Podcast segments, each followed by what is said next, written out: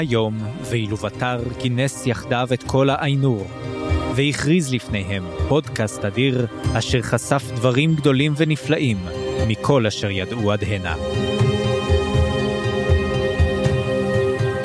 אתם מאזינים לסילמריליון קראתי עכשיו, הפודקאסט שבו אנו קוראים את הסילמריליון האגדי של טולקין, ולאחר מכן צופים בסדרה החדשה המבוססת עליו באמזון פריים.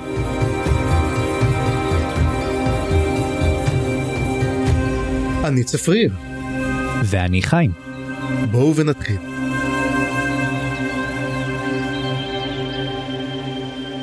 ברוכים הבאים וברוכות הבאות לפרק השביעי בעונה השנייה של הפודקאסט שלנו. והפעם אנחנו הולכים לדבר על הפרק השביעי בסדרת טבעות הכוח שנקרא העין.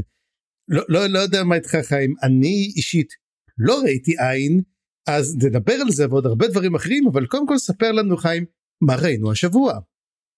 בכיף בכיף. אז מה ראינו השבוע בטבעות הכוח? ברוכים הבאים לפרק האדום. מקווים שאתם אוהבים טון קודר ופפריקה, כי יש הרבה משניהם בתבשיל. לאחר הפסקה של פרק, אנו חוזרים לעסוק באנשים הקטנים, גמדאים והרפוטים. בקזדום, המשא ומתן של אלרונד חוטף עקשנות גמדאית מלכותית בפרצוף ונגדע די מהר. דורין הבן מתעמת מול דורין האב, ורק שרגא, הבלרוג במעבה האדמה, יוצא מחוזק מכל הסיפור. ובמקום אחר, ההרפוטים מגיעים למחוז חפצם, החורש המפורסם, ומגלים שהוא הרוס. הזר שוב מנסה לעזור, מפחיד את כולם, וסוף סוף אומרים לו להתחפף. כמובן שאחרי זה מגלים שהוא דווקא הצליח, ושאולי הוא לא היה גרוע כמו לובשי הלבן, ששורפים את עגלות המסע שלהם, וגורמים לחבורת D&D לא מנוסה עם ארבע בני מחצית, נוכלת, ברדית, קוסם וכהנת, לצאת לקווסט חדש ומסוכן בחיפוש אחר הזר. ולבסוף, בארצות הדרום, סליחה, מורדור המתחדשת, דרך פילטר אדום אנו חוזים בזוועות ההתפרצות של סוף הפרק הקודם, יוצאים לסיור לילי של גלדריאל ותיאו מעבר לקווי האויב, וצופים בנומנורים מקפלים את הזנב בין הרגליים וחוזרים לספינות, אבל לא לפני שהם מבטיחים לשוב, ממש כמו מושל קליפורניה לשעבר, כשהיה רובוט. אוקיי, עכשיו שימו לב טוב טוב למילה תקציר שמופיעה על המסך. תראו, היא נמחקת ובמקומה מופיעה המילה תאריך. מה, לא אהבתם את הבדיחה הגרועה הזאת שכבר סיפרתי פעם? לא נורא, זה עדיין היה טוב יותר מהסיום של הפרק. כן, רק אני חייב להגיד דבר אחד, הוא סייבורג ולא רובוט. אוקיי, אוקיי, בסדר, הבנת. I'm a cybernetic organism. הוא אומר את זה בעצמו. בסדר, אז לפני שאנחנו נתחיל באמת לדבר על הפרק, חסות אחת קצרה ואנחנו ממשיכים. התוכנית בחסות גונדולין ביטוחים. אולי לא נוכל להציל אתכם כשהרוע יבוא להשמיד את כל היקר לכם, אבל לפחות אתם תהיו האחרונים ליפול. גונדולין, כי למה למות היום כשאפשר לדחות זאת למחר? סתם התוכנית לא תחת שום חסות אבל היא כן בתמיכת המאזינות והמאזינים שלנו בפטריון שעוזרים ועוזרות לנו לשפר את הפודקאסט ולפתח עוד רעיונות לעתיד לפודקאסט הזה ולעוד פודקאסטים חדשים אז תודה רבה לכל המאזינים והמאזינות שלנו לתומכות ולתומכים שלנו שוב תודה תודה רבה. וניגש לפרק אמ, רק כמה דברים אתה יודע טכניים אמ, אני רציתי לבדוק כמה דברים ועשיתי את הבלתי מותר ונכנסתי ל-IMDB. Oh. אתה יודע, כי רציתי לדעת כמה דברים שעניינו אותי וראיתי שזה היה פרק שקיבל את הציון הכי נמוך מכל הפרקים שהיו. זאת אומרת אני לא הסתכלתי על מה קורה וכל זה אבל יחסית לסדרה שלא מקבלת ציונים גבוהים היא קיבלה די ציון נמוך. זה מעניין. אני לא יכול להגיד שאני מתפלא. Uh, מבחינתי הוא לא היה הפרק הכי גרוע אני חייב לומר. וואו טוב אנחנו נשמור את זה לסוף נשמור את זה לסוף אבל אני כן יכול להגיד שזה היה הפרק ש... אוקיי אני עצרתי נקודה פה אוקיי אני לא עצרתי אף פרק עד עכשיו פה אני עצרתי ואמרתי אוקיי אני באמת צריך למלא את השתייה שלי אז כנראה אני שתיתי כי אני צריך אתה יודע להגיד אוי ואבוי על מה אנחנו הולכים לדבר השבוע אבל בוא נתחיל באמת לדבר על ההרפותים שחוזרים אחרי באמת אה, בסוף אנחנו אה, מגלים כמה דברים לגבי ההרפותים קודם כל של ההרפותים הם כן נודדים ממקומות מוכרים למקומות מוכרים זאת אומרת הם כן יש להם יישובי כביכול קבע שנודדים כל כמה זמן עד שזה נהיה מסוכן ואז הם עוברים למקומות אחרים. א' לא יודע למה כל כך רחוקים אחד מהשני אתה יודע זה וואחד נדידה הם עושים שם. בעיקרון אולי זה מקומות שאף אחד אחר עדיין לא השתלט עליהם. זאת אומרת אם בני אדם מתיישבים בו או אורקים או אלפים אה, אז הלך להם אה, מקום מושב אז לכן אולי דברים רחוקים. הם נמצאים בין אה, בין המושבות של אחרים אבל אני לא יודע. באמת זאת שאלה טובה. גם החורש הזה הוא כאילו מה מה היתרון שלו? יש בו הרבה תפוחים? כאילו אין מקומות לא, זה, זה המקום עצירה זה לא זה לא המקום שהם נמצאים בו זה מקום אתם לא התכוונו להתיישב שם לפי הבנתי. אני הבנתי שזה החורש שהם הלכו אליו זאת אומרת זה המקום שאליו הם נדדו 아. בנדידה הזאת ספציפית זה לא כמו שאמרת זה לא מקום uh, קבע אבל זה כן מקום שהם רגילים להגיע אליו כל חורף או כל uh, לא זוכר כן. מה מה העונה עכשיו אבל. כן ולקטוף תפוחים ולקטוף כמובן. תפוחים זה ה... כנראה סתיו כי תפוחים זה בסתיו. ומה שקורה הוא שבדיוק מתברר שההר הגעש הזה הוא הנחית בדיוק את ה... אתה יודע איפה על, על האזור שם כאילו אתה ראית את כל האזור הוא היה נקי ורק שם התרסק. אז זה גם השאלה האם זה כוונת מכוון של ההר האם להר יש מודעות או שזה פשוט lazy writing. וגם הייתה לי שאלה שמתקשרת לזה האם זה אותו הר געש או שההתפרצות של הר הגעש הגדול עוררה עוד התפרצויות של הרי געש כי הרי זה קורה הרבה פעמים שתזוזה של לוחות mm-hmm. טקטונים וכולי כל הדברים שמפעילים אה, הרי געש אז כל ההרי געש על השבר אה, אה, מופעלים ויכול להיות שזה קשור יכול להיות שזה כן אתה יודע מאוד מאוד נוח ומאוד מאוד uh, צירוף מקרים uh, מגניב שזה אותו הרגש אבל אני מנסה פה להבין משהו סליחה שאני קטעת את הדברים שלך. אתה מנסה להכניס היגיון לעלילה? בוודאי. כאילו התחלת לדבר איתי על לוחות טקטונים זזים? צפריר אם אנחנו לא נעשה את זה מי יעשה את זה? ברור שלא הכותבים. לא. כן. אז בקיצור אז אחרי שראינו בעצם את המקום הזה נהרס אה, הזר מגיע ומנסה לעשות הוא תופס את העץ ומנסה להחיות אותו אבל כפי שאנחנו מבינים כל דבר שהוא עושה טוב הוא גם יוצא משהו רע והוא בעצם מפיל חצי מהעץ שם כמעט על איזה ילד שהולך לבדוק מה קורה נורי מצילה את הילד תוך כדי שהיא מגנה עליו חוטפת את העץ הזה בעצמה ואז מבינים שהבחור קצת מסוכן הם אומרים אומר לו סדוק אומר לו אתה רואה שם קדימה נמצאים החבר'ה שלך זה כנראה בארצות הדרום הוא מוביל אותו. הוא אומר לו כן שם הם נמצאים אתה יכול ללכת לשם והוא באמת אה, עוזב.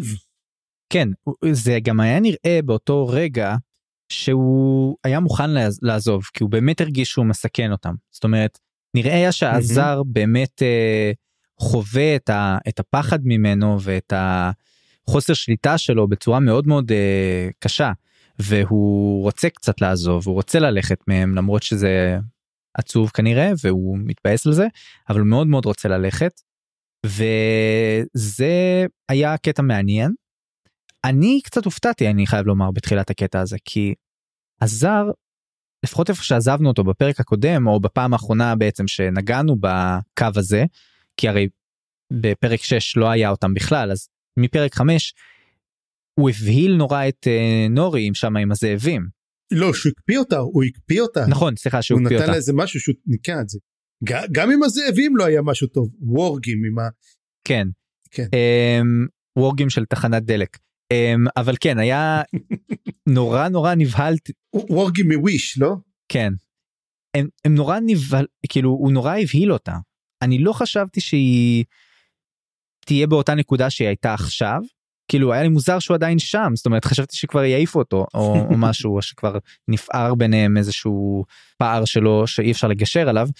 בקיצור הגיע הזמן אני חושב שזה כבר uh, היה מרחנו את זה מספיק שהוא יעזוב כמובן שאתה יודע מרפי עבד קשה והעזיבה שלו הייתה טיפה מוקדם מדי. כי עכשיו uh, גם רואים שהוא הצליח וגם החבר'ה בלבן מגיעים. המיסטיקנים הסינים כמו שקוראים להם. ובאמת אנחנו רואים שאומנם אחרי שהוא הולך רואים את הפרח הקטן הזה צומח על העץ. אה, תגיד לי כי אם יש לנו אתה יודע אדם שמומחה לבוטניקה ויכול להגיד לנו האם זה באמת קורה שככה נראים פריחי תפוח כי לא יודע אין לי מושג. וואלה לא יודע. גם אני לא אין לי מושג. אבל בסופו של דבר בבוקר למחרת נורי מתעוררת ויש הרבה תפוחים. אגב צריך גם להגיד גם צריך להזכיר את הנקודה שבאמת היא שהוא עוזב נורי נותנת לו את התפוח אחד היחידים שעוד נותרו. כן.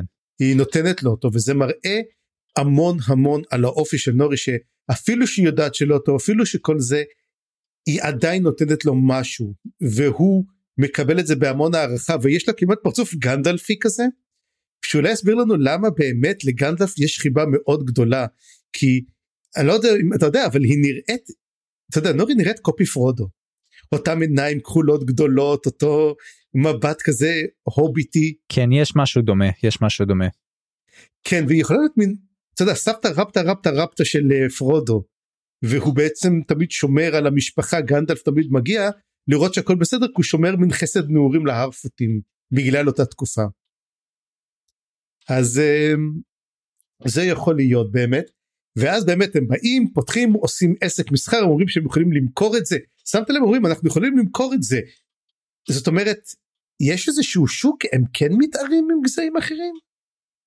אני מניח שכן זאת אומרת אם אה, בשר הטבעות כן רואים שיש קשר בין ההוביטים לקשרי מסחר הרי יש את הלונג בוטום טבק שעובר מהפלך לשאר המקומות. אבל נראה לי ש... לא גם בברי ברי זה יישוב חצי הוביטים שם. נכון אבל הייתי אומר שבברי זה anomaly אבל אתה רואה שגם בפלך הם אה, סוחרים לפחות. ועוברים שם אה, גם כן, דעים ו... ויש את ה rangers הדונדיין אז אז זה לא שהם לגמרי מנותקים. והייתי אומר שהארפוטים עוד יותר כי הארפוטים הם לא הם לא שקועים במקום אחד אני מניח שהם תלויים גם באנשים אה, מסביב. במיוחד כשהם נודדים. וכן אני, אני רוצה שנייה אם ברשותך לדבר רגע על נורי כי אני חושב שזה נורא מעניין התהליך שהיא עוברת פה mm-hmm. אני חושב שאחת הדמויות שאני אוהב בסדרה והיה פה קטע שקצת בפרק הזה היא פשוט הרגישה לי הכי פחות נורי. כי היה את הנקודה שהיא כאילו מתבגרת. היה שם את הסצנה שהיא פוגשת את אמא שלה כשהיא מתקנת את הגלגלים. וזאת סצנה שהראתה שנורי קצת אה, נכבתה האש שלה הנעורים שלה כאילו הלכו והתבגרה. וזה היה סצנה שבאמת הייתה כזאת אה, עצובה ונקודה כזאת שנורי איבדה את, את ה, מצד אחד את הילדותיות שלה ואת החוסר אה, את ה... לא יודע משולחות רסן שלה ופתאום זה, זה עצוב כאילו כי גם uh, פחות שמחה ופחות uh, מילאת תקווה ופחות זה ורק בסוף הפרק זה חוזר אבל זה גם כל הדברים מרגישים שזה לא חוזר ממנה זה חוזר בגלל שדברים קורים לה. זאת אומרת לא יודע אני מצד אחד אני אוהב את, ה, את הארק הזה ואת השאלות האלה של האישיות שלה אבל אני מרגיש שכל הזמן קורים לה דברים והיא מגיבה אליהן ולא באמת לא מרגישה דמות עם אייג'נסי לא יודע אז uh, אני איפשהו uh, חלוק פה. אתה מדבר על דמות פסיבית היא דמות פסיבית שמגיבה למה שקורה מסביב. Um, הדמות האקטיבית יותר זו הדמות של הזר. הוא למעשה היא בעצם אתה יודע הוא עושה את הדברים והיא מגיבה אליהם היא מגיבה לסביבה אבל צריך לזכור ההוביטים ההרפוטים בוא נקרא להם ככה כולם פסיביים הם מגיבים למשהו שקורה אנחנו רואים אותה באמת בהתחלה הולכת לגנוב תותים והיא הולכת לעשות דברים כאילו היא כן עושה דבר שניים. זהו בהתחלה היא לא. זה מה שאני מתכוון היא הייתה דמות שכן עושה ו- ו- ואקטיבית וזה ואני מתכוון שבפרק הזה זה מרגיש לי שהשינויים שהיא עוברת הם שינויים מבחוץ וזה חלק מהעניין זה מה שאני אומר הדמות כאילו שהיא דמות חזקה ובוחרת בחירות מעניינות כבר פחות מרגישה ככה לעומת זאת מי שהפתיע פה זה סדוק האיש הזקן זקן הכפר שכן מחליט פתאום לצאת איתם בסוף שזה היה כזה החלטה מאוד uh, מוזרה לי כי לא אופיינית. לא אופיינית ו- ואתה יודע אחרי כל ה... אז אסור ללכת לבד אסור ל- לסטות מה- מהשביל מהמם. אמ, טוב לא יודע זה ככה זה הרגיש לי מוזר. לא, הסיפור עצמו בעצם זה, אתה יודע, הביא אותנו לנקודה של ארבעת ההוביטים, כי צריכים, צריכים ארבעה הוביטים, כי אנחנו באמת מפתחים חבורת טבעת. אז יש לנו את פרודו, יש לנו את סם שזאת פופי, יש לנו את האימא שהיא, אני לא יכול להגיד שהיא טוק, ואני לא יכול להגיד שסדוק הוא פיפין. אמ, אבל פה זה, אתה יודע, אבל יש לנו את הארבעה הוביטים, שזה תמיד ארבעה הוביטים, זה מין קריצה לשר הטבעות קצת, אתה יודע. אמ, בכלל כל הסדרה הזאת היא מין fan service, לפחות ניסיון להיות fan service של אמ, הסרט עצמו. כן וכמו שאמרתי בתקציר דווקא לי זה הזכיר גם אה, מין אה, חבורת D&D כזאת כי ממש יש שם את, ה, את כל הקלאסים יש לך את ה cleric את ה bard את הקוסם ואת הנוכלת כן. שזה היה מצחיק. כן, אז זה באמת, תשמע, אני לא יודע אם אתה יודע את זה, אבל כשאמרו אה, הכותבים של ה-D&D שכתבו את ה-D&D עצמו, והם רצו לחשוב על החבורה הטובה ביותר שאתה יכול לעשות, אתה יודע על מי הם הסתכלו? על בנות הזהב, אם אתה זוכר את הסיטקום משנות ה-80, גולדן גרלס הגולדן גרלס, הם אמרו שהם מייצגות את כל הארקים של הדמויות הכי טובות. לא ידעתי את זה. זה מושלם. כי כי בעצם רוזי הפלאדין. צפרי צפרי זה לא עוזר אני לא ראיתי. אמ, איך זה יש לך שם את הלוחמת שזאת לא ראית את זה. וסופיה הייתה הנוכלת הייתה הגנבת שם תשמע אומרים שכל אחד משלים את השני וככה בעצם צריכה להיראות חבורת D&D סיפור אמיתי. אמ, אז זה, זה באמת מראה שאנחנו למדים משם אבל קודם כל צריכים לזכור למה בעצם נורי נכנסה לדיכאון זה בגלל המיסטיקנים שהגיעו. והמיסטיקנים באמת עוקבים אחרי. אמ, הזר. הזר והם מרגישים את הקסם שלו. זאת אומרת הם נוגעים בקסם והם יכולים יחד כאילו ממש עוקבים אחרי הקסם אגב אנחנו רואים שהראשית זאת אישה. הרי אנחנו פעם ראשונה רואים שזאת אישה באמת לפי הבגדים. והיא הם, הם לא מדברים וזה מה שנחמד גם כן. היכולת שלהם להיעלם להופיע הכל מאוד עשוי טוב. אתה יודע כאילו כל המבטים אתה יודע מין אנחנו אפלים וזה. אני לא חושב שהם באמת מרושעים. אני חושב שהם פשוט אה, הם שרפו להם את הכפר צפריר כאילו בחייאת. הם, הוא ניסה לשרוף אותה. אה, האבא בא אליה עם, עם לפיד בוער. כן אבל יש דרך אתה יודע אפשר להגיד לו אחי אנחנו לא באנו לפגוע בך הכל טוב. זה לא מעשה של אה, של אה, דמויות טובות. אני אני מסכים שעדיין אפשר לראות אולי בהם משהו אפור למרות הלבן אבל כן. אבל אי אפשר לומר שהם חבר'ה טובים לדעתי ועוד משהו שמוזר לי פה אני מסכים איתך זה זה מגניב וזה וזה מסתורי קצת שהם לא מדברים אבל זה נורא לא אמין. כי תחשוב על הסצנות שבהם רואים אותן אה, או אותם אני לא יודע חלקם אה, אולי גברים רואים אותם לבד וכשהם לבד לכאורה מה הבעיה שידברו בין- בינם לבין עצמם זה גם סוג של כזה אולי הם נדרו נדר שתיקה. אול- אולי אבל זה נראה מוזר קצת לא הכל אפשר, כן, כן, ברור שזה זה, אבל אולי אנחנו לא רוצים לשמוע את השפה, אולי, אולי, לא יודע, אולי, יש איזה אולי תשובה ואנחנו נקבל אותה כנראה פרק הבא, דוגרי פרק אחרון לעונה, אנחנו אמורים לקבל קצת תשובות.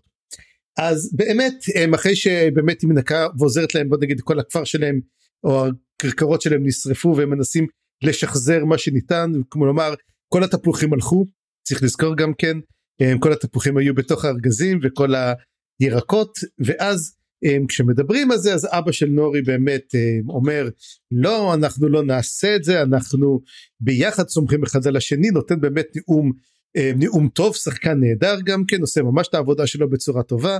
ואז אה, נורי אומרת אה, הוא צודק ובאמת אנחנו השארנו מישהו מאחור וזה בעצם ההרפוטים אנחנו לא משאירים אף אחד מאחור והזר אפילו שהוא מסוכן ואפילו שהיו טיפשים יותר ואת הטיפשים פחות וחלק מתו בכוונה חלק לא אנחנו לא יכולים להגיד לו ללכת הוא אחד מאיתנו כבר והוא עזר לנו ואנחנו מבינים שהוא טוב למרות שאולי ואנחנו לא מתפ...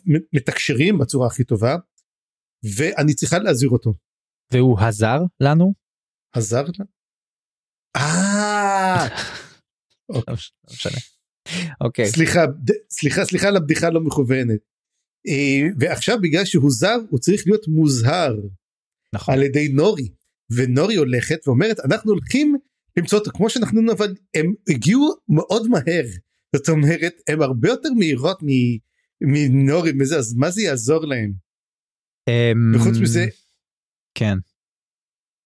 אז כאילו זה די נראה כזה מין אה, טוב בסדר אבל כמובן אנחנו הבנו שכבר אוהבים עוד רגעי big damn heroes כבר ראינו. אז יהיה גם כן איזשהו little damn heroes משהו מה little damn heroes יהיה לנו.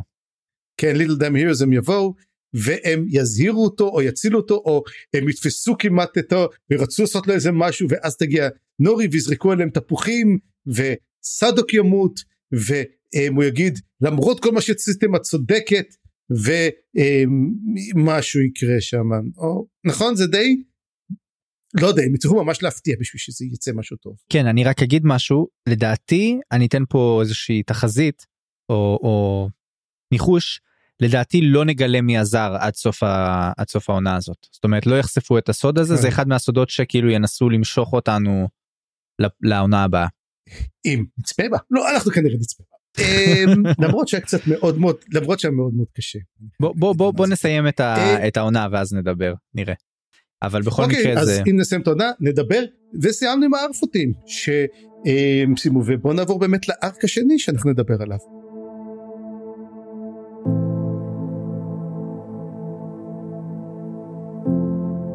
כן אנחנו נעבור לדבר על קצת גמדאים עם uh, קצת דורין versus דורין אקשן. זה כמו קרמר נגד קרמר כזה? כן, אה, ויש לנו פה אה, אלרונד שעדיין אחת הדמויות הטובות לדעתי, אחד השחקנים הטובים, וגם אה, גם דורין, אני אוהב את המשחק פה ואני אוהב את המתח מהמם. פה שנוצר ושקצת בנינו אותו בפרקים הקודמים, עכשיו הוא כאילו מגיע לשיא שלו. ויש פה גם את הקליף הנגר בסוף שהיה מעניין של החלק הזה, אז נדבר על כל הדבר הזה. והמשא ומתן האלפי סלש גמדאי די מהר נכשל אמ, ואנחנו מגיעים למחלוקת הגדולה בין האב והבן והיה שם סצנה מעניינת אני רוצה לדבר עליה רגע שבו אמ, דורין האב מדבר על היווצרות הגמדאים זאת אומרת איך איך הם נבראו על ידי אאולה והוא מדבר על משהו שאני לא חושב שדיב... שהיה כל כך בסילמריליון אז זה היה מעניין מאיפה הם הביאו את הדבר הזה כי זה יכול להיות משהו שהוא כזה יותר אה, מיתולוגיה אה, של הגמדאים ש, שמשהו שמספרים אבל הוא לא בהכרח נכון. העניין הזה של היסודות שהם עשויים מהם. אז הוא אומר אאולה יצר אותנו מאבן ואש והדרך שבה הוא מפרש אותו את המשל הזה היא לא הדרך היחידה שאפשר לפרש את זה ואני חושב שזה מעניין כי אני חושב שבדיוק הוא ו- והבן שלו הדורינים מסמלים את שתי הדרכים השונות שאפשר לפרש את האש וה- והאבן. כי האם זה שהם עשויים מאש ואבן זה אומר שהם צריכים לשמור על עצמם? שזה בערך מה, שה... מה שהאבא אומר, הוא אומר אנחנו נמשכים לדברים שהם נוצצים, אנחנו יש לנו את האש שצריכה את, ה... את ההרפתקה ואת הזה ואנחנו צריכים ל... לזכור שאנחנו אש ואבן, אנחנו צריכים אה, לשמור על עצמנו, כן? ולעומת זאת, דורין הבן אומר, תשמע אנחנו אנחנו אש ואבן אנחנו צריכים את שני הצדדים אנחנו צריכים גם את ה... לא להיות רדומים אנחנו צריכים להמשיך לפעול לחפש אנחנו צריכים לעזור לחברים שלנו. אז זה מעניין כאילו שאצלו האבן היא מה שצריך לשים לב אליו ואצלו האש זה מה שצריך לשים לב אליו. וזה סתם זה היה מגניב כי אני אני חושב שזה ממש מכוון שהם הביאו את המשל הזה ואחר כך אה, את המחלוקת שנבנתה. אגב שים לב לעוד דבר לצבע של הזקן שלהם הצבע של הזקן של דורין האב הוא אפור כמו אבן ושל דורין הבן הוא אדום כמו אש. כן. עוד דבר שמסמל למרות שהאבא אומר אני ראיתי אותך בסוף אומר עם זקן גם דעים אפור וגדול כמו המלכים. מה שמראה שבסופו של דבר דורין גם כן יהפוך להיות אה, אתה יודע מיושב בדעתו. האם יש משהו. לנבואות גמדאים לא שמענו זה. מה שכן באמת נכון לפי הסילמרילון והמיתולוגיה הוא שהם הם אומרים אאולה יצר אותנו לא אלו ותר נכון. הוא לא יצור הוא יצור של אאולה כמו שהיה וזה באמת היה אה, נחמד. ואנחנו גם ראינו בעצם המון המון נקודות של אבן ואש. והאמת היה צריך לקרוא לפרק הזה אבן ואש כי פשוט זה היה הרבה יותר מעניין לראות את האש של ההר ואת האבן והאש פה כי האבן היא גם המית'ריל והאש היא המיס, גם כן המית'ריל היא אבן האש שמכילה את האור מבפנים ואנחנו בסוף רואים את הבלרוג שהוא גם כן אש כן. שחבוי בתוך האבן המון המון דברים כאלו שהם כן יכלו להשתמש בו. אני חושב שבאמת כל הנקודה של הגמדאים והאלפים לא רוצה להגיד שלא ציפיתי לזה זאת הנקודה הכי מעניינת בכל הסדרה. אמ, ואני יכול להגיד גם שהמשחק של כולם נהדר וכולם דיברו על, על דיסה שכמה שהיא לא טובה והיא שחקנית נהדרת וליהוק אחלה ליהוק שבעולם ולא לא בעיות פה בעיות הן במקומות אחרים הרבה אחרים. כן אני גם רוצה לומר שלגבי מה שאמרת לגבי הבלרוג והמיתריל וזה הדואליות ש, שמופיעה כבר מופיעה לגבי המיתריל בהקשר אחר שאומרים שהוא יציר של אה, אה, טוב ורע וה, והדבר הזה mm-hmm. האלמנט הזה קצת גם דואלי ומתקשר לעניין זה דבר ראשון וכן אני מסכים שזה באמת קו העלילה הטוב ביותר אבל בוא רגע נסכם מה קרה פה שנוכל לזכור אותו קצת יותר הרמטי. כן. המאבק של הדורינים מגיע לפיצוץ כאשר דורין ממרה את פי אביו פי המלך אה, הולך לחצוב בכל זאת את המיטריל. הסצנה של העלה קצת חלשה כאילו מה שעורר אותו לעשות את הדבר הזה אבל הוא כן בסוף אה... זה לא שהיא חלשה אני אגיד לך מה הבעיה. רואים שהארץ נהרס והמיתריל מחיה אותו מחדש. כאילו מרפא את המחלה ומין. זאת אבן. אוקיי אני יכול להבין את המימד הפנטסטי שזה זאת הסיבה שגיל גלד רוצה את זה כי באמת למתכת הזאת יש יכולות אה, חשובות. אה... לא זה לא סתם עץ אבל. זה העץ שמסמל את, ה... את הדעיכה של האלפים כי הוא הביא אותו מלינדון את העלה הזה. ואז זה שהמיטריל ריפא את העלה מראה שיש לו את היכולת לרפא גם את האלפים כנראה וזה מה שמעורר את uh, דורין. הוא מבין שזה לא סתם באמת יש לו את היכולת. זה לא שהם uh, אתה יודע חושדים שזה יעבוד זה כנראה באמת יעבוד וזה מה שמעורר אותו אבל זה אתה יודע זה קצת בכל זאת חלש כי כזה הוא זרק את הגוש מיטריל ואז uh, זה במקרה נחת ליד העלה ובמקרה אתה יודע כאילו אוקיי. וחוץ מזה אחרי החציבה האסורה יש בעצם uh, פיצוץ כשהמלך מגלה אותם ואז הוא מגרש את אלרונד ומין עושה dressing down כאילו הוא ממש מפשיט את, uh, את הבן שלו מהסמל סטטוס שלו נראה לי זה הקולר הזה הצווארון המוזר הזה הוא מפשיט אותו ממנו ויש לנו קליף הנגר כזה של, ה, של הבלרוג שמגיע בסוף שרגא ככה החלטתי שקוראים לו ו... הוא שרגא הוא לגמרי שרגא. הוא בדיוק אחד לאחד הבלרוג של הסרטים. וזה מעניין אני אוהב את זה ואני חושב שזה היה צפוי קצת תסכים איתי נכון? קצת אתה יודע אני חשבתי שבעצם מה שנראה שהוא זורק את העלה ואמרתי הוא זורק את העלה העלה נופל ונופל לו על הראש. ציפיתי שיפול על הראש של הבלרוג אבל לא פתאום זה נופל וזה נתבהר והבלרוג ער. אז השאלה שלי הבלרוג לא יכול לטפס למעלה ולשבור להם כאילו אני חשבתי שהבלרוג ישן. מתברר שהוא ער זה לא שעלה העיר אותו או משהו כזה נכון? אה, אני חושב שהוא לאט לאט הפך להיות יותר ויותר מודע לנוכחות שלהם ככל שהם חצבו יותר במיתריל. זאת התפתחות יחסית חדשה. אז אנחנו יודעים באמת שתהיה מין הפיכה ראינו כבר שהם מדברים כבר על הפיכה שכבר דיסה די עושה לו ליידי מקבט ל... לדורין ארבע ואומרת לו מה הוא זקן והוא לא עושה את זה וכאילו תשתלט עליו ותשיג את זה למרות שבאמת דורין האבא צודק לא צריכים לחסום את זה זה לא טוב. כן ויכול להיות שזה מאוחר מדי. אבל כולנו יודעים שזה לא יקרה. זה לא יקרה. שזה... אז יאללה צפריר בוא נצא להפסקת פרסומות קצרצרה ונגיע למיין איבנט ולחלק ה... לפחות מבחינת הפרקים החשוב אה, וזה הולדת מורדור. אז אה, יישארו עמנו. יש לכם הודעה דחופה לחו"ל, אבל האורבים מדונלנד עסוקים אצל סארומן? לא רוצים לשלוח הודעה לא מאובטחת דרך אפליקציות זדוניות כמו אורוקאי? אצלנו בפלנטיר פתרונות תקשורת אין קווים דפוסים, והמסר עובר בתמונה ששווה אלף מילים.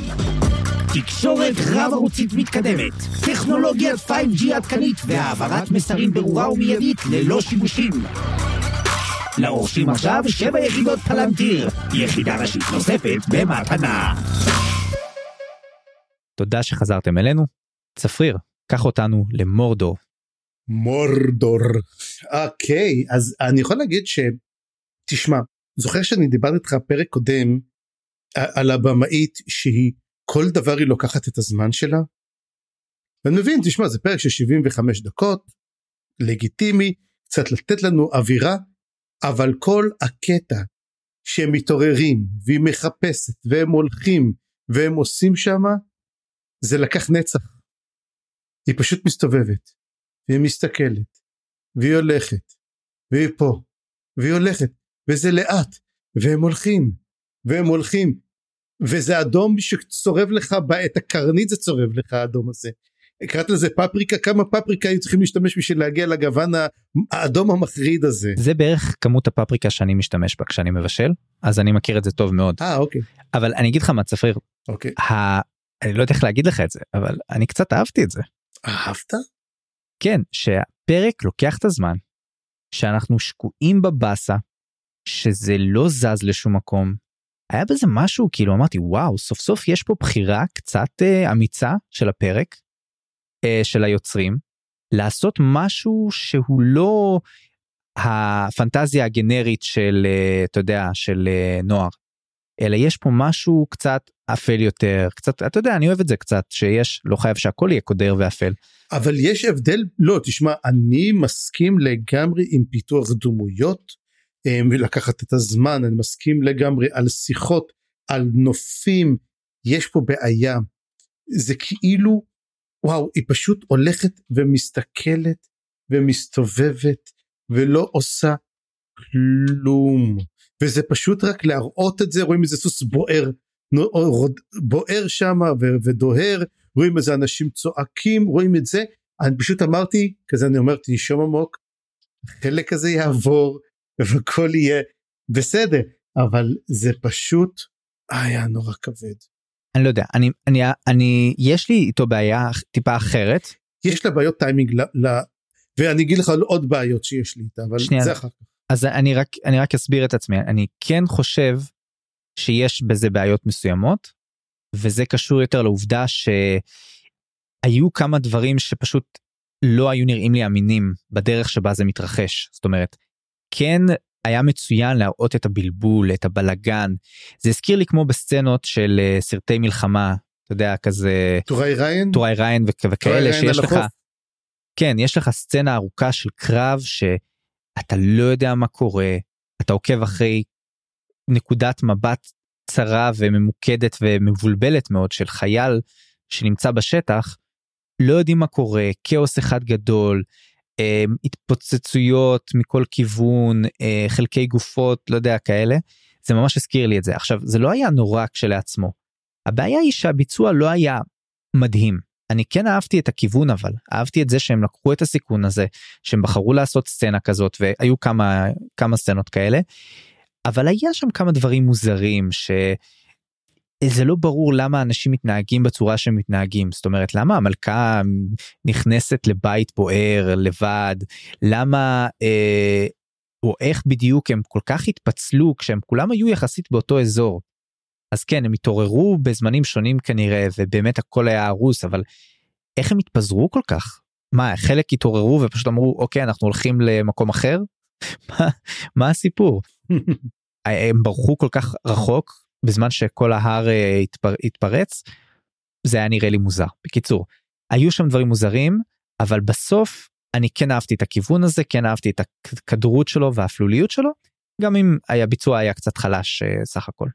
אז זו זה אני בודק ביצוע אני אומר אתה יודע איך אני אומר פוטנציאל זה טוב אבל אני באתי לראות ואני חושב שלבמאית יש לה בעיה מאוד בטיימינג היא לא עובדת נכון על טיימינג עכשיו זאת במאית נורדית נראה לי אם אני לא טועה ואנחנו יודעים שבאמת בצפון וגם בסדרות צפוניות הטיימינג הוא מאוד איטי הוא מאוד כבד וזה טוב להרבה דברים ואני אוהב את הדברים האלו אבל אני חושב קצת פה היא לוקחת את זה טיפ טיפה מעבר כאילו היא בונה מתח על ידי כלום על ידי שקט על ידי צילומים ארוכים זה טוב אני מקבל את זה ואני אוהב את הדברים האלו אבל זה זה כבד זה זה לא עשוי בצורה טובה. ובאמת בוא נדבר קצת רגע על אלילה עצמה.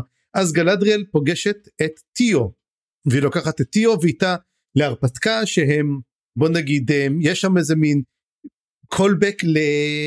ל... עם ההוביטים והנזגול מתחת לעץ. אם את... אני בטוח שחשבת על זה נכון? זה גם לגמרי. סולם די באותה דרך הם שמחפשים אותה ומה אתה מריח ואני מריח אפר וזה אגב אני לא יודע אם שמת לב יש לה שריון נומנורי מנוקב. אז זאת אומרת הוא בעצם לקח את השריון מחייל נומנורי מת. ואהבתי ואני אוהב את הדברים הקטנים האלו שכן חושבים עליהם בהפקה ואני אומר צריך לזכור ההפקה היא ברמה סופר גבוהה ממש ממש סופר גבוהה הכתיבה קצת פחות ובאמת הם מדברים פה על אתה יודע על דברים ופה אני הגעתי לדבר מאוד מאוד מוזר. האח שלה שמת היה פינרוד אנחנו מקבלים על זה דיווי וקלבורן מת? אה, כן הם עשו לה פרידג' הם הכניסו אותו למקרר. עכשיו עכשיו יש לי באמת שאלה זה עכשיו אחרי שראיתי את זה אמרתי אוקיי זאת לגמרי אתה יודע היסטוריה אלטרנטיבית כאילו קלבון הוא רגע קלבון לא מופיע בשר הטבעות מופיע מופיע. עומד לידה. where is גנדלף I long to speak with him הם עשו לו איזה מבטא מוזר כזה זה מבטא של בורת. בוא תחשוב אלף פורת. Mm. very nice yeah. point years yeah yeah. לא יודע זה זה מוזר שהם הרגו אותו זה הדבר היחיד שזה יכול לה, להראות לי זה את העניין הזה של הפריג'ינג שזה אמור איכשהו לבנות את ה... את הדמות שלה את האופי שלה קצת ל, ל, להראות למה היא כזאת חמומת מוח אבל קצת מוזר לא? אז קלבון יחזור מהאמיתים אם ככה או שלא אני לא יודע. וכל הסצנה הזאת הסצנה הזאת באמת עם תיאו קצת הייתה חסרת uh, טעם עבורי. היא הייתה מאוד מאוד ארוכה ו- ולא ממש מעניינת.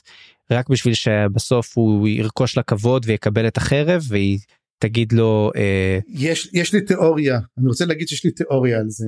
נו. אבל אנחנו נדבר על זה. אוקיי.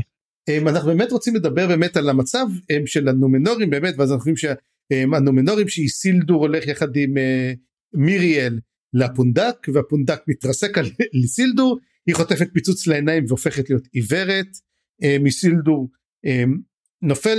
תוך כדי זה אנחנו רואים שוולנדיר אה, שרד אבל אוטומנו אוטומנו זה לא המצודה של של כן אוטומנו זה המצודה של מורגות כן כן. ואגב זה לא אגב לא השם של החבר גם? בדיסקורד אמרו לי שאוטומנו זה גם אודון זה כינוי לאוטומנו. זאת אומרת ה... אז, אז, אז למה גנץ אומר the flame of אודון? כי הוא, הוא, הוא משתמש הוא מתכוון לבלרוג הוא מתכוון לבלרוג הוא, הוא פונה לבלרוג בעצם אה. וזה האש שאיתה ותודה ליעקב בדיסקורד למורגות יש את האש שלו שאיתה הוא יוצר דברים אבל בגלל שחסר לו את האור של אילובטר הוא לא יכול באמת לברוא דברים רק להשחית. אז ככה הוא יוצר את, ה, את היצורים המפחידים שלו שזה בעצם הבלרוגים שהם מאיות הם גם סוג של אלים זוטרים ויש את האורקים שהוא יצר מאלפים בעצם לפי הסילמריליון אז זה זה אודון. אז אם אתה אומר את זה אז האם יכול להיות שההר הגעש הזה מטרתו הייתה גם לא להעיר את הבלרוג עצמו? שמע יכול להיות. יכול להיות שהתעוררות של הרגש גם גרמה לבלרוג להתעורר? יכול להיות זה הגיוני אני לא יודע אם כמה הם קשורים אבל יכול להיות יכול להיות שיש התעוררות של הרוע בכללי ש, שגורמת גם לבלרוגים להתעורר. אז כן עכשיו אני אחזור לתיאוריה שלי. כן. אנחנו ראינו הרי את סילדור הלך אמנם הסוס שלו ברק לא מוכן לקבל את הרסן ושולחים אותו באמת. הוא לא קורע ברק. אופה. סליחה אני אני חם היום אני חם היום. תתקרר תתקרר מהר ומה, ומה שקורה שהוא רודה הוא נוסע והוא כנראה הולך להציל את איסילדור ולגרור אותו ולעשות מין אראגורן כמו שראינו עם הסוס הזה שגם החיה את אראגורן אבל אני חושב שאולי אנחנו נראה משהו אחר ואולי למעשה איסילדור באמת ימות. ואני חושב שטיו הוא למעשה איסילדור שיאומץ על ידי אלנדיל ויקח את השם שלו מחדש ולמעשה אנחנו רואים פה את תחילתו של איסילדור ואת הממלכה. אמ, כי אנחנו רואים שהוא כן יכול להיות מפותה על ידי הרוע. למרות זאת הוא עדיין רוכש חיבה לאלפים ולמרות שהוא לא נסע בחזרה ל... אה, איך קוראים לזה? נומנור. לנומנור בשביל לקחת את העץ. אני חושב שאבל אם גם קלברון יכול למות אז גם אלנדיל יכול להביא איתו חלק מהעץ בשביל לעשות את זה בחזרה. אני חושב שמה שיקרה הוא בעצם יחזור עוד כמה שנים יחזרו וכבר טיו יהיה גדול והוא יראה אותו וטיו יצליח אה, לרסן את ברק או משהו כזה והוא יראה אותו ויגיד אני אקרא לך בשם איסילדור ש... ואני מאמץ אותך כבני. אז uh, יכול להיות שזה מה שיקרה לטיו. ולכן חשוב לראות את זה כי הם בונים את זה לכך. אני אוהב את זה. אני חושב שאם אתה צודק הוא לא ייקרא איסילדור. זאת אומרת ממש יקחו את זה לכיוון אחר לגמרי ובמקום איסילדור יהיה טיו שיקים את הממלכה.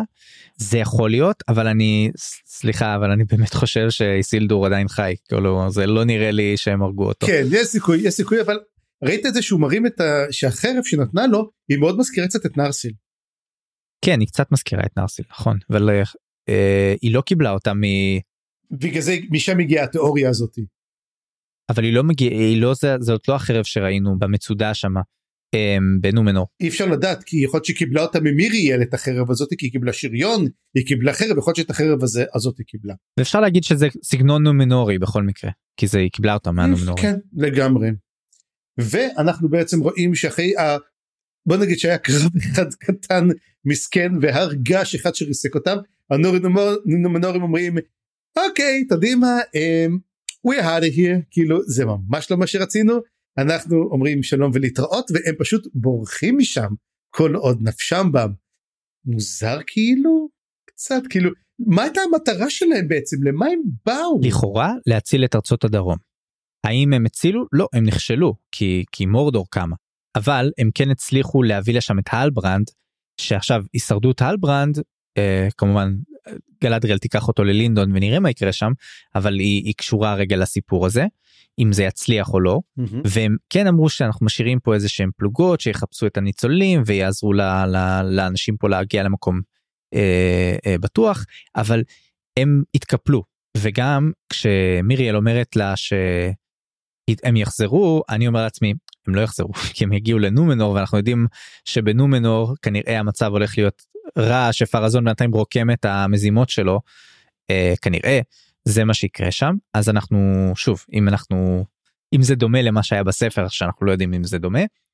אה, זהו בקיצור נראה לי שמה שזה אומר שנומנור לא יחזרו יותר אלא אם כן הם יחזרו בתור הרעים ואז נראה מה יקרה עם הדבר הזה.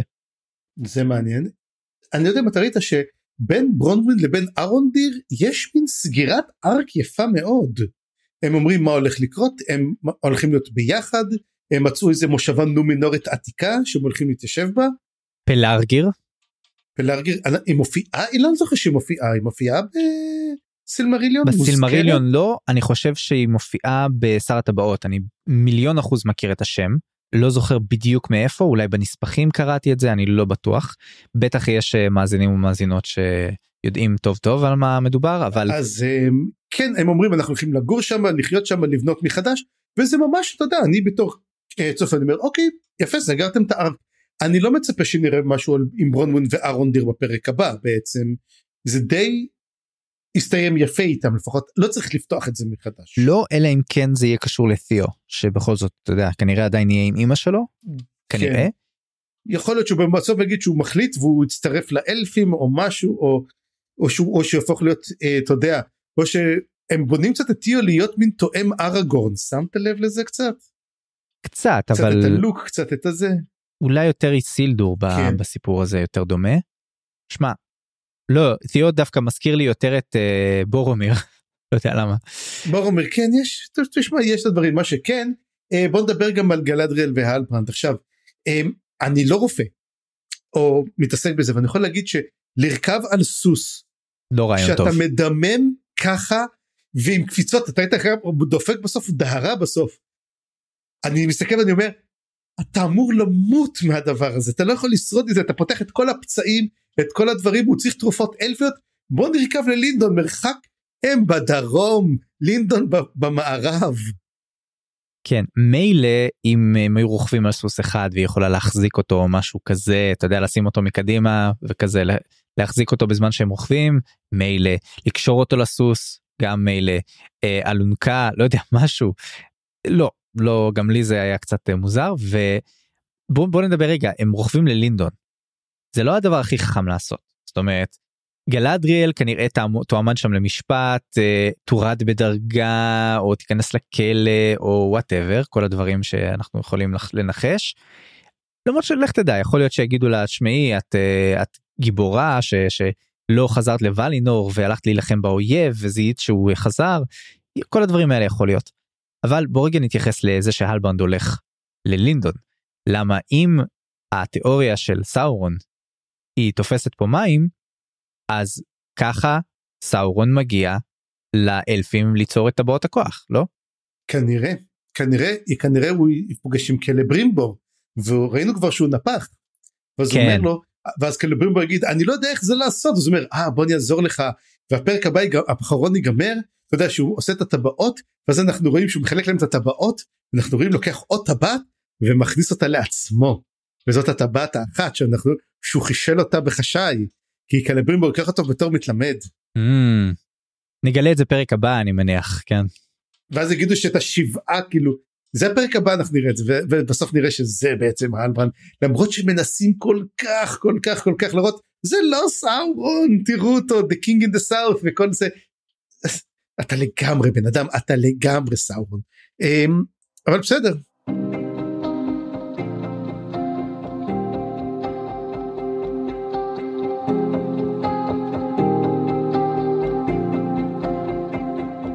כן וזהו זה זה הדבר הזה אני, אני חושב שנשאר לנו רק לדבר על הסצנה המוזרה מאוד של אדר. ב... המופרך וואו וואו זה היה וואו זה היה כל כך מגוחך אני אגיד לך. כאילו אדר מגיע ואז אומרים אוקיי ואז ואז מגיע כמובן אה, וולדרק ואומר מה נעשה לורד פאדר?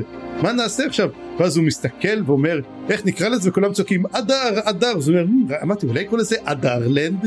כאילו זה יכול להיות הגיוני ואז הוא מסתכל ככה ואז רואים למעלה כתוב דה סטארטלד ואמרתי יעשו כזה אה, יעשו כזה קו מרקר או איקס גדול אבל לא זה כאילו נוסף ומופיע מורדור ואמרתי כזה מין אוי באמת לא ראיתי את זה מגיע איזה מפתיע יואו לגמרי א', זה בא בסוף, זה כאילו אמור להיות cliffhanger? סליחה, ה cliffhanger של הבלרוג. ותשמע, וזה גם הייתה מוזיקה כזאת של, ראית את המוזיקה? טה טה טה אני כזה מין. אז דבר ראשון, ה cliffhanger של הבלרוג הרבה יותר חזק לסיים בו את הפרק מאשר זה, אז נטו עניין של אה, תסדרו storyboarding כאילו אחר והיה לכם cliffhanger הרבה יותר חזק לפרק הזה ודבר שני אבל אני אומר לך הבלרוג הזה לא יופיע בכלל בפרק הבא הוא לא יופיע בסדר אבל זה קליפהנגר טוב זה זה זה זה מפתיע זה מוזר זה מפחיד זה וואו בלרוג אני זוכר ברור. את זה וחוץ מזה זה כל כך צ'יזי. לכתוב את זה ככתובית ואז למחוק את זה ואז לכתוב את מורדור כאילו זה אמור להיות איזשהו גילוי מרעיש אבל אפילו אם זה לא היה גילוי מרעיש זה כל כך משהה את ה... את ה... אתה יודע, השעיית האמונה צריכה להיות כל כך חזקה פה בשביל לקבל את הדבר הזה. זה... לא יודע. כאילו, אתה יכול, אתה יודע, בסרטים שמודרניים, שזה לא פנטזיה, שזה, אתה יודע, fiction, mm-hmm.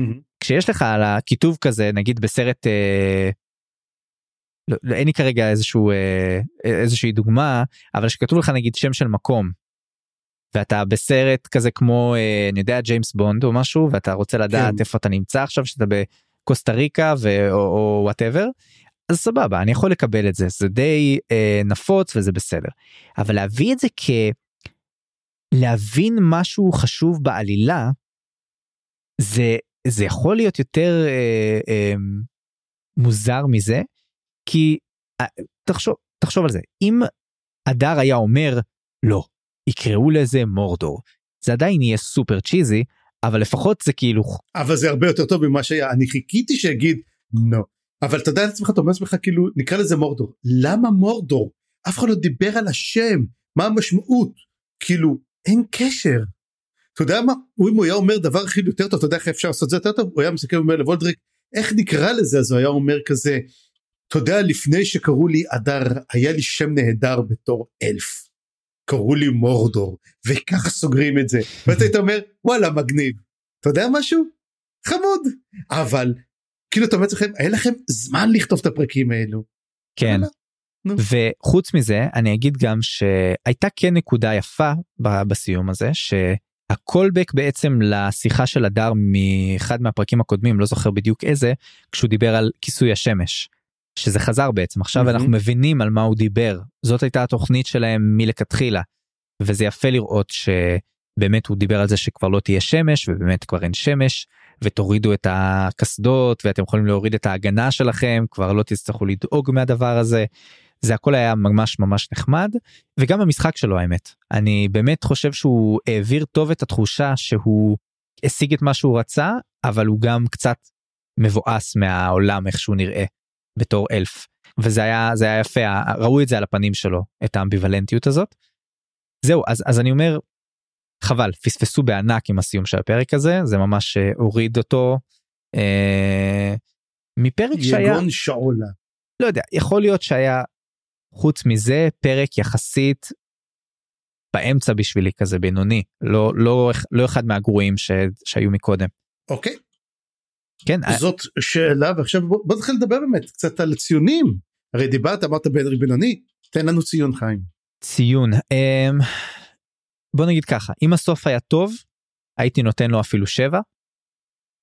יחסית אה, פרק סבבה.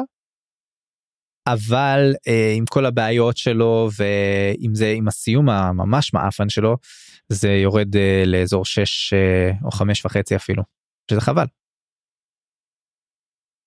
וואו תראה כמה סוף יכול להשפיע על לגמרי ציונים. לגמרי כן הרי איך אמר את זה סטפן קינג? סי, הסיום צריך להיות טוב אם הסיום לא טוב אתה נשאר עם טעם מר בפה. אחת העצות הכי גדולות שלו מיודות כתיבה. אמ, אני אתן לפרק הזה ציון ארבע וחצי חמש. אוף ואגיד למה אני חושב שהוא כזה נמוך.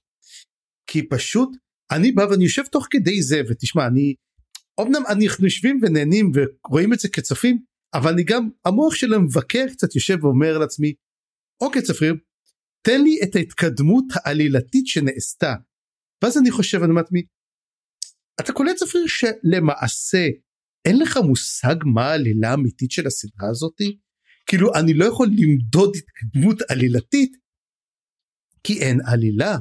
זאת אומרת יש לך קווי עלילה מקבילים אבל אין לך מין גרייט ארק שאני יכול לדבר עליו אז משהו קורה עם נורי טוב זרקו את הזקן היא הולכת אחריו הגיעו המיסטיקנים בארץ הגמדים באמת היה שם איזשהו קטע אבל לא הייתה התקדמות עלילתית. היה בסדר הבנו הדבר הכי גדול שקרה שם זה זרקו את אלרונד מההר. ובמלחמה הם אוספים את עצמם. חצי פרק הם אוספים מתאגדים כל הזמן אנחנו קוראים אותם הולכים מתאגדים מה עושים? עוזבים. ואני אומר את עצמי לא קרה כלום. ההתקדמות העלילתית זה פרק אחד לפני הסיום. זאת אומרת אין לנו עוד יש לנו עוד פרק אחד. אתה לא יכול להרשות לעצמך שיש לך שמונה פרקים לבזבז כל כך הרבה זמן וזה גם קרה פרק זה גם קרה בפרק 4 וזה קורה גם בפרק 5. אה, סליחה בפרק 5 זה קרה הרבה זה פשוט בזבוז זמן מסיבי ותשמע אני לא מצפה שכל פרק יהיה זה אבל אה, אני מצפה שתהיה התקדמות אני מבין שיש שטויות פה ושם אבל הכמות הבזבוז זמן שלהם הוא מסיבי ברמות. אני אגיד לך מה צפר. יש פה שתי יש פה בעיה מהותית ואני חושב שאולי זה משהו שמתישהו נדבר עליו כשנגיע לסוף אבל אם אני מסתכל במבט כללי קצת רגע. הסדרה הזאת היא בו זמנית איטית מדי ומהירה מדי. כי האירועים הגדולים או הדברים החשובים שאמורים לקרות דחסו את, את המרווחי זמן שלהם כדי שהכל יוכל להיכנס בטווח זמנים הגיוני לבני אדם וכאלה שעדיין יהיו ולא רק אלפים שחיים אה, אה, לנצח אז הם דחסו מלא מלא שנים של אירועים. אז מהבחינה הזאת זה מהר מדי. הייתי מאוד שמח אתה יודע לראות ברמת העיקרון אם זה היה סדרה טובה לראות סדרה שלמה רק על נומנור.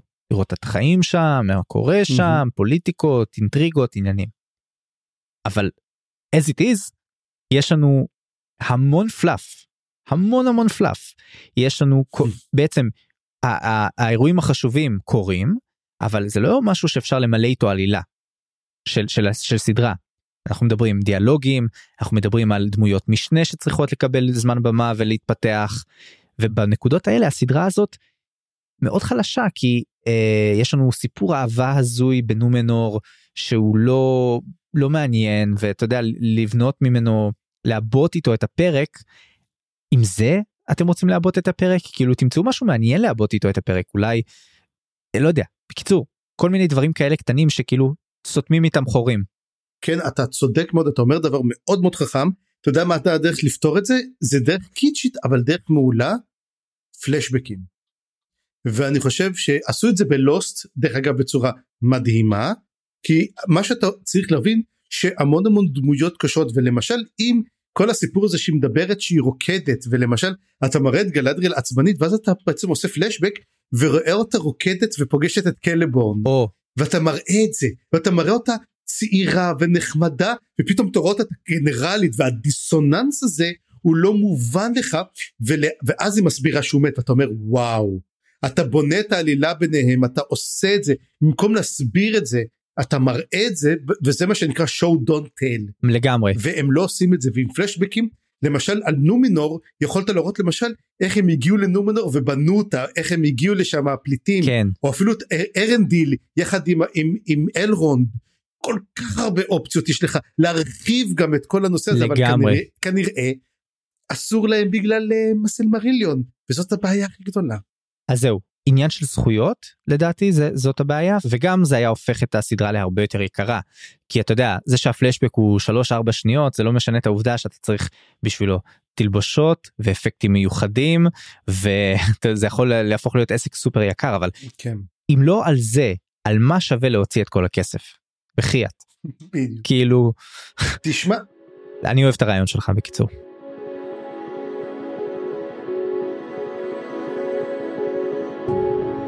אז לפני שבאמת נדבר על עוד כמה דברים אני רוצה בסוף טיפה לדבר על כמה דברים טכניים אבל בוא נדבר באמת על השאלה הגדולה לפרק קוראים העין. חוץ מזה שהפרק נפתח שהעין של גלדריאל נפתחת נפקחת ושמיריאל מאבדת את העיניים שלה. למה קוראים לזה העין? אה, זה פשוט אה, טעות צפריר זה צריך לתרגם את זה עם א' במקום עם עין. העין, האין, אוקיי. אין אז אין. כן. יש לך תיאוריה? יש לך תיאוריה? כי נראה לי שבסוף לעשות משהו יותר מתוחכם. או שבעצם אומרים תיזהרו על העיניים שלכם כי הצבע האדום הזה ישרוף לכם את הרשתית על, על ההתחלה. וזאת בעצם אזהרה. אני חשבתי לכיוון של אה, זה אמור להיות foreshadowing למורדור. ועל זה שהעין העין של סאורון וכולי אבל זה לא בא בפרק בשום מקום. ו... זה, זה, ה- זאת, זה הרעיון היחיד שהיה לי לא חושב שיש איזה משהו ש... Um, היה, היו איזה שהם עיניים בפרק חשובות חוץ מהעיניים של מיריאל שהלכו? אז זהו זה, אני חושב שמדובר בעצם על נקודת מבט, מה כל אחד, על מה כל אחד מסתכל. ואיך כל אחד רואה בעצם את זה, ובעצם שאנחנו רואים את הנקודת מבט, זאת אומרת אנחנו רואים את הנקודת מבט של גלדריאל, הפרק נפתח שהיא פוקחת, נפתח שהיא פוקחת את העיניים, והיא רואה את האפר, כל העין שלה מכוסה גם כן באפר, ושמסתכל אדר, מסתכל על ההר, אז ההר קצת נראה כמו עין, ומיריאל מאבדת באמת את המאור עיניים, וכמו שאמר לה בעצם אה, אבא שלה, את תמצאי רק אפלה. והיא באמת מוצאת רק אפלה והנבואה שלו אכן מתגשמת. האם אנחנו רואים עוד דבר זה אולי נקודת מבט כי הדבר היחידי שיש זה למעשה אה, השיחה שלה עם טיו זה בעצם הדבר היחידי שהיה פה התפתחות כלשהי שהיא דיברה איתו ואמרה, ואמר לה אני שמח שהרגת אז היא אומרת אתה לא צריך לשמוח בעצם שאנחנו הורגים כי האופל נכנס בך פנימה אז אולי זה נקודת המבט אבל אני I'm, I'm really reaching out here, I'm really reaching out here. I can't really understand. אני לא מצליח, סורי. ולא דיברנו על זה אז אבל זה משהו מאוד לא אופייני לה. זאת אומרת כל מה שהיא עושה הוא בערך אה, אתה יודע זה כמו בן אדם שנגיד מעשן וכשמגיע אליו איזה ילד או מישהו צעיר ואומר לו תגיד אה, אתה יכול להביא לי סיגריה? אל תיקח סיגרות, זה גרוע. כן זה גרוע זה ככה זה היה נשמע לי. אה, אבל בכל מקרה זה אין פה עין אמ, ואולי תהיה לזה איזושהי תשובה בהמשך בפרק הבא אבל כרגע איך שזה איך שאנחנו רואים את זה זה קצת אה, לא במקום. אז זה בפרק הבא אנחנו יכולים לדבר על הפרק השמיני והאחרון בסדרה זה גם הפרק האחרון לעונה שלנו. Um, אגב אנחנו כבר יודעים כמה דברים על העונה אנחנו יודעים שכבר העונה השנייה מצולמת בימים אלו זאת אומרת um, אנחנו יודעים שזה עונה שנייה מתוך חמש יש להם תוכנית של חמש עונות. אוקיי. Okay. זאת אומרת אנחנו לא יודעים אם באמת זה המשך של עלילה או בתקופות אחרות כמו שאמרתי כל פעם יציגו לנו תקופות אחרות נראה לי שאולי הם ימשיכו את זה נראה לי כי הם לא סיימו כך לספר את הסיפור. עוד כמה דברים קטנים שאני חייב לספר פשוט על ה... אמ, שאני נשארתי לכתוביות הפעם עד הסוף. אני היה, היה את נמפת אתה שמת לב שהם סיימו עם נמפת כן, את ה... כן עם השיר. את המוזיקה. עם השיר של נמפת יש שיר לנמפת אז זהו זה מה שקורה אני הלכתי לספוטיפיי ואני אמרתי יאללה שים לי את כל הפסקול כי אני מאוד אוהב את הפסקול אני מאוד אוהב את בר מקרירי אמרתי אני רוצה לשמוע ותשמע זה פסקול מדהים ממש ממש נהדר ומה שכן בר מקרירי הוא מאסכולה של אמ, של לייטמוטיפים זאת אומרת הוא אוהב לתת את ה... לכל דמות את המוזיקה שלה ואז לשלב אותן ביחד בצורות מאוד מאוד מתוחכמות והוא עושה את זה והמוזיקות ממש ממש טובות ואני מאוד ממליץ. והקטע הוא שאני מצליח לזהות עכשיו בסדרה כל פעם ואני יכול להגיד שהשימוש בפרק הזה בלייטמוטיפים היה זוועה. Hmm. והיה ברור והיה כמו להכניס לך אתה יודע לא להאכיל אותך בכפית אלא לדחוף לך את הכפית לשפוך את זאת- השיניים ולהאכיל אותך בזונדה זה הכי גרוע שיכול להיות. זאת הבעיה של לייטמוטיפים אגב.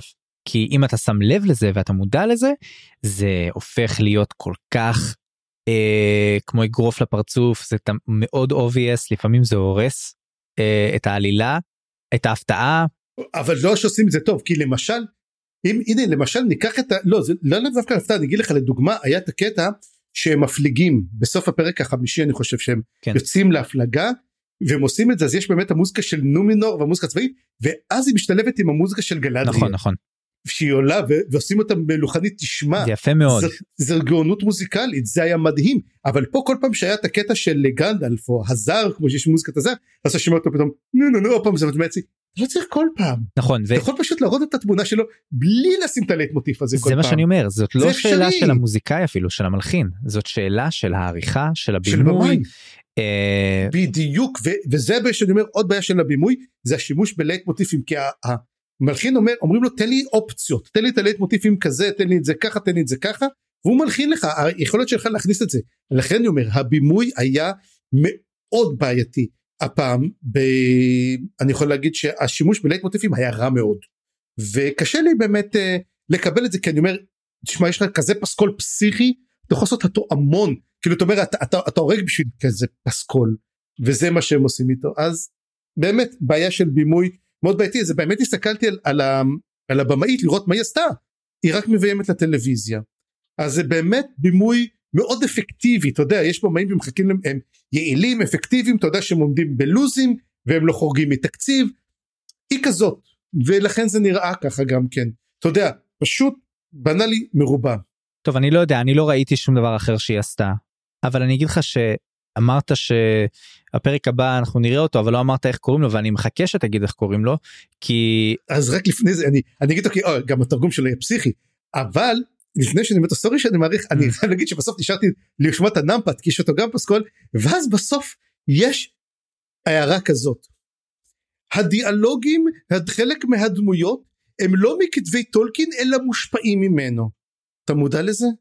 כן אני אתה יודע גם כשעד עכשיו הזר כשהוא דיבר קווניה הוא דיבר מילים אמיתיות עכשיו כשחיפשתי כשהוא מדבר אל העץ חלק מהמילים היו באמת תגדל ת, תצמח משהו כזה תתרפא וחלק מהמילים לא מצאתי אז יכול להיות שלא מצאתי כי אין אה, לא לא השתמשתי בכל המאגרים או לא יודע אני לא או באמת שאתה לא מדבר אנטית. לא זה לא לא מדבר אנטית. זה לא אנטית זה אלפית זה קווניה אבל אני לא יודע אם אה, שוב אני לא מומחה אז יכול מאוד להיות שפספסתי משהו מי שיודע שכן אה, שכל המילים היו בסדר אבל כמו שאני מע- מעריך הם משתמשים במילים מסוימות ולא משתמשים במילים מסוימות כי כשהאורקים דיברו באחד הפרקים הם כן אמרו את הגימבטול או קרים פתול שזה חלק מהש... מהפואמה של הטבעות שזה אומר לחפש מהמם. וזו מילה שאני פשוט יודע שהיא מופיעה גם פה גם שם והוא אומר תחפשו אותם גימבטול אז אז אני מבין מהקשר שזה לחפש אותם. וזו מילה אמיתית באורקית בשפת השפה השחורה או איך שלא קוראים לזה אז זה מעניין שהם בחרו לא להשתמש בכל המילון הטולקינאי שהוא יצר אה, חבל קצת לא כאילו אם כבר אתם יוצרים סדרה תשתמשו בכל המילים. אם כבר אז כבר כן. אז זהו זה בוא נדבר באמת על הדבר האחרון נדבר על השם של הפרק קוראים לו אלויד. ואז זהו זה אמ, אני חושב שבעצם התרגום הכי טוב זה כל זה מחושל או מחושלים אבל אלוהיד יש איזה הרבה יותר משמעות כי מדובר שזה סגסוגת למשל. נכון אז מה מסוגסג אי אפשר להגיד נכון? איך לקרוא לזה מסוגסגים מסוגסגים הם מסוכסכים. לא כי מדובר על שילוב של שתי מתכות שונות שיוצרות משהו הם, האם אנחנו נראה את המיטריל בטבעות האם הם, נראה איזשהו משהו שם. שאלה טובה שאלה טובה מה זה אומר בעצם זה יכול להגיד הרבה. נקווה שזה יהיה פרק טוב תשמע פרק סיום עונה אין מה לעשות אתה מצפה לפרק סיום עונה שיהיה טוב חוץ מאז מתקופת משחקי הכס משחקי הכס תמיד עשו שהפרק הלפני האחרון זה הפרק המעולה והפרק האחרון מין סוגר עלילות. אבל פה ראינו איך נראה הפרק הלפני האחרון אז אני מחכה שהאחרון באמת יהיה מעניין יותר. לגמרי אני גם מחכה לזה שוב היו בפרק הזה היה לו פוטנציאל היו בו כמה דברים שאהבתי שהיו לדעתי הרבה יותר מעניינים ואמיצים ממה שהיה לפני זה אבל אני מאוד מחכה לראות מה יקרה בפרק האחרון ואני מקווה שיהיה יותר טוב. אז זה היה הפרק, ותודה שהאזנתם לנו. ועד הפרק הבא. אני חיים גורוב גלברט. אני צפיר גרוסמן. תוכלו ליצור איתנו קשר בקבוצת הפייסבוק ובערוץ הדיסקורד שלנו, פרטים בתיאור הפרק. ואם אהבתם מה ששמעתם, דרגו את הפודקאסט באפליקציית הפודקאסטים החביבה עליכם, וספרו עליו לחברים. עריכה וסאונד חיים גורוב גלברט.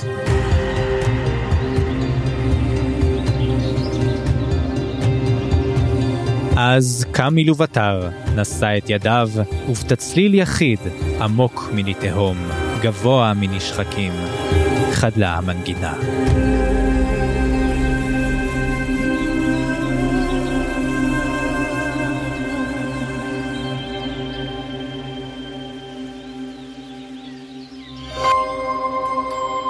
היזיון, הסכתים פנטסטיים